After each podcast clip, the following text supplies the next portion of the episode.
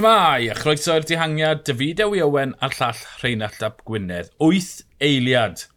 Dyna'r bwlch a'r gopa'r pwyd y dom rhwng Tare Pogacar a Jonas Fingigo. Rheinald, sa'n credu allan ni wedi pigo bwlch gwell. Dyna'r bwlch perffaith. Chydig bach o'r bwlch yn y Cris Melin di cael, ond Fingigo dal yn dal mlaen, neb yn ffrwydro. Penod tri, penod perffaith. Gwych, ie. Yeah, pan mae ymysododd Pogacar, a nath e agor bwlch yn eitha cyflym, ond o fe, mm -hmm. o'n i'n meddwl, o, oh, dyma ni'n mynd.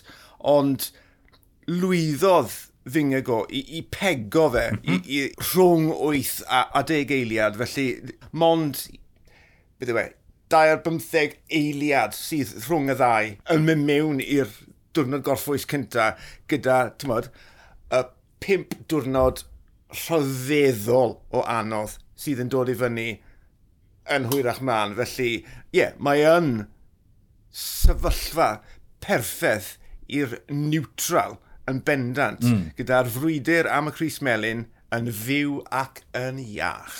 Ie. Yeah. Um, dim lot o ddim byd i ddadansoddi, tyd. Bron na fod ras yn ebyn y cloc o dde.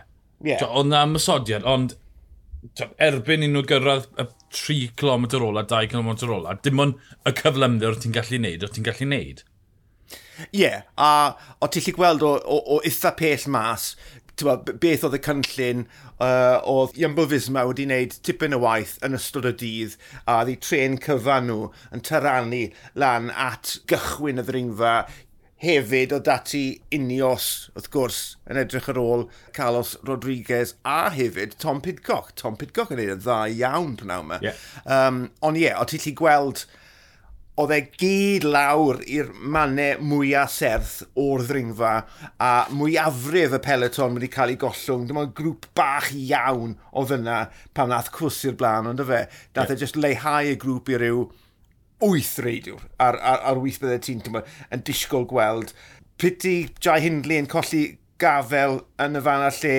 Rodriguez hefyd yn, yn, yn, yn colli e- eiliadau. Adam Yates, da iawn iddo fe, yn, yn, yn llwyddod uh, e, dal mlaen. Ond ie, yeah, rhwng um, y ddau ffefryn mawr, dim syndod gweld nhw uh, yn cwffio rhwng i gilydd a pawb arall ychydig yn bellach lawr y ddringfa. Ie, yeah, jyst i cael y trefn yn gywir. So, Pogacar a Fingago wyth eiliad tu ôl. Wedyn oedd Simon Yes y Pidcock ysgwydd yn ysgwydd rhyw 40 eiliad pellach nôl. Wedyn Rodriguez, mond rhyw 9 eiliad lawr yn nhw. Adam Yates yr un bwlch nôl.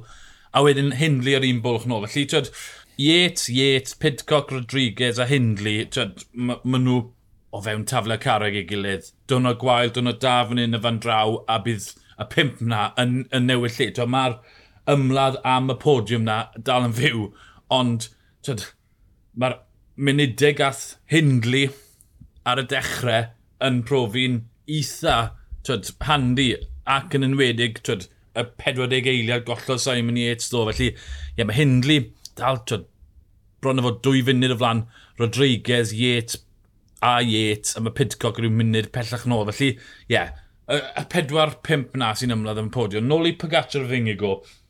Pwy fydde hapusa? Bydde Pogacar yn ddigon hapus bod wedi tynnu amser nôl, ond fi'n credu byddai e finger go yn falch iawn bod wedi pego fe nôl i cyn lleiad o amser a hynny, mm -hmm. achos Pogacar fydde y diwrnod yma we, wedi siwto, a oedd e'n ymosodiad, ond oedd e, e ddim yn un ffrwydrol fel i ni wedi gweld uh, yn y gorffennol, felly yn dawer bach yn credu bydd uh, Fingago yn ddigon hapus gyda'i ymateb i'r masodiad yna. Ie, yeah, falle taw hapus yw'r gair anghywir, ond y rhyddhad, achos yeah, wir yeah. yn credu, doedd y ddau ddim yn gwybod sut doedd nhw'n mynd i fynd.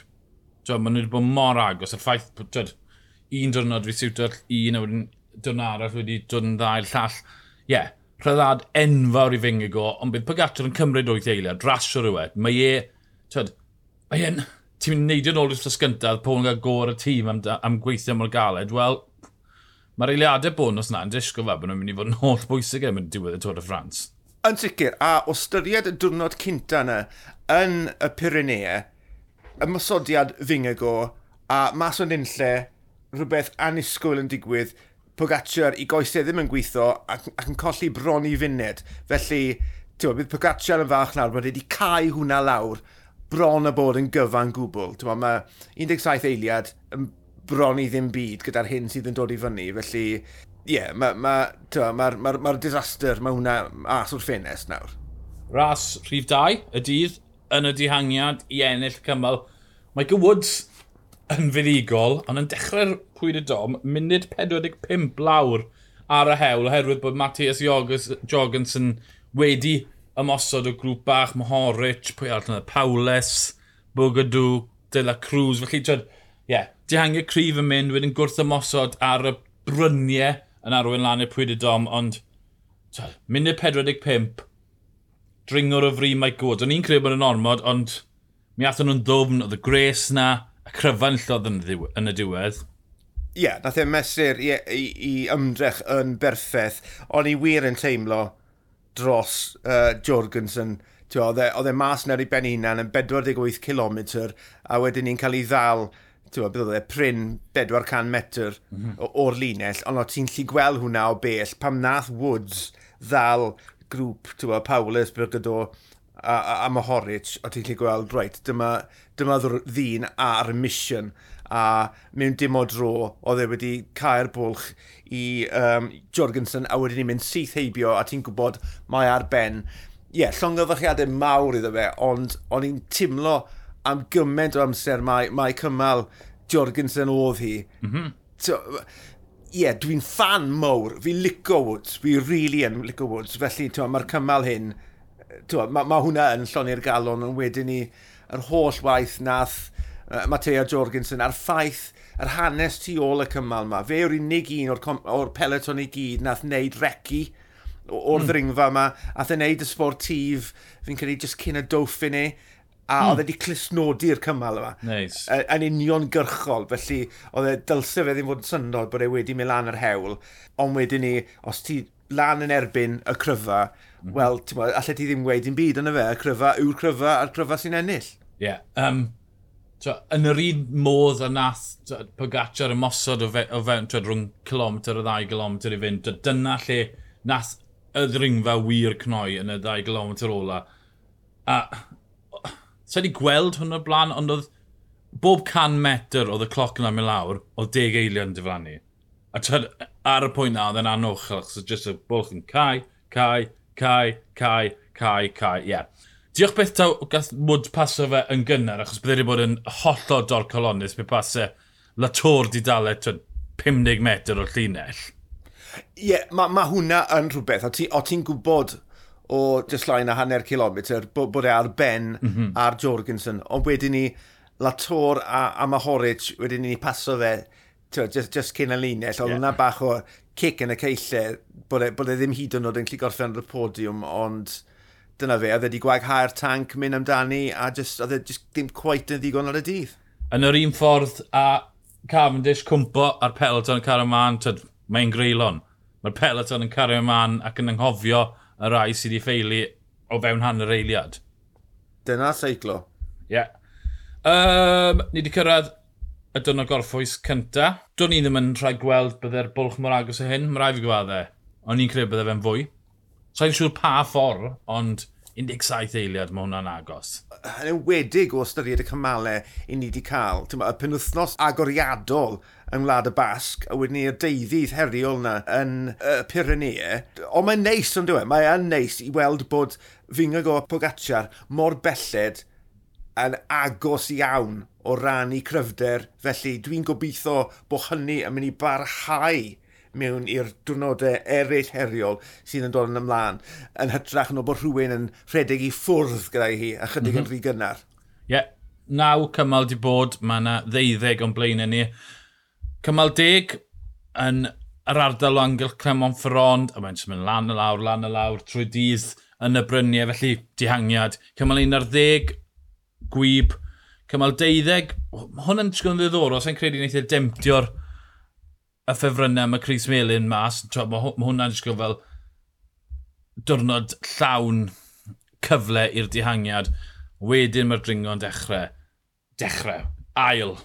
Trydydd rhan dringo. Dyna fan mae'n dal Corsin. Sa'n yn siŵr pryd mae'r dringfeidd yn dechrau. Cymal 13, di Gwener, maen nhw'n dringo'r Glon Colombia. Nid i Cleta, ond mae'n fyr 137.8 km, felly maen nhw'n gallu mynd amdani. Wedyn di Sadwn, yn dringo lan y Col de Joux Plan sy'n yn effernol ac yn disgyn ddi ar ochr arall i Morzin, a wedyn ar ddi Sil, maen nhw'n benni fyny'r Mont Blanc. Tridiau sy'n well, na, ddim yn mynd i benderfynu'r Tôr de France, ond mae'r penwthnos nesaf yn addo tan gwyllt. Diolch unwaith eto i ddylunwyr y cwrs yma. Mm -hmm. Mae'r hyn i ni wedi cael mor belled wedi bod yn berffaith a mae yna arlwy hyfryd o'n blaenau ni ac wrth gwrs y, y beicwyr. Mae wedi bod yn un i'w gofio mor belled mm -hmm. a fi'n credu erbyn y diwedd, mae'n mynd i fod yn fydd gofiadwy. Dwi'n methu aros. O di farus i fi obeithio bod y bwlch rhwng y ddau o dan ei geneiliad cyrraedd yr ail ddwrnod gorffwys? Wel, dwi dati fan'na.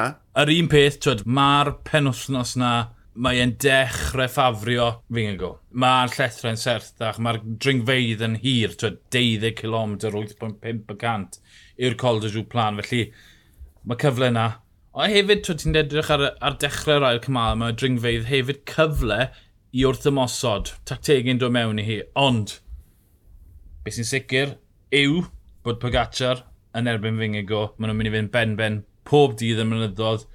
Disgwyl man i weld y dihangiau yn cael hwyl yng nghanol wythnos.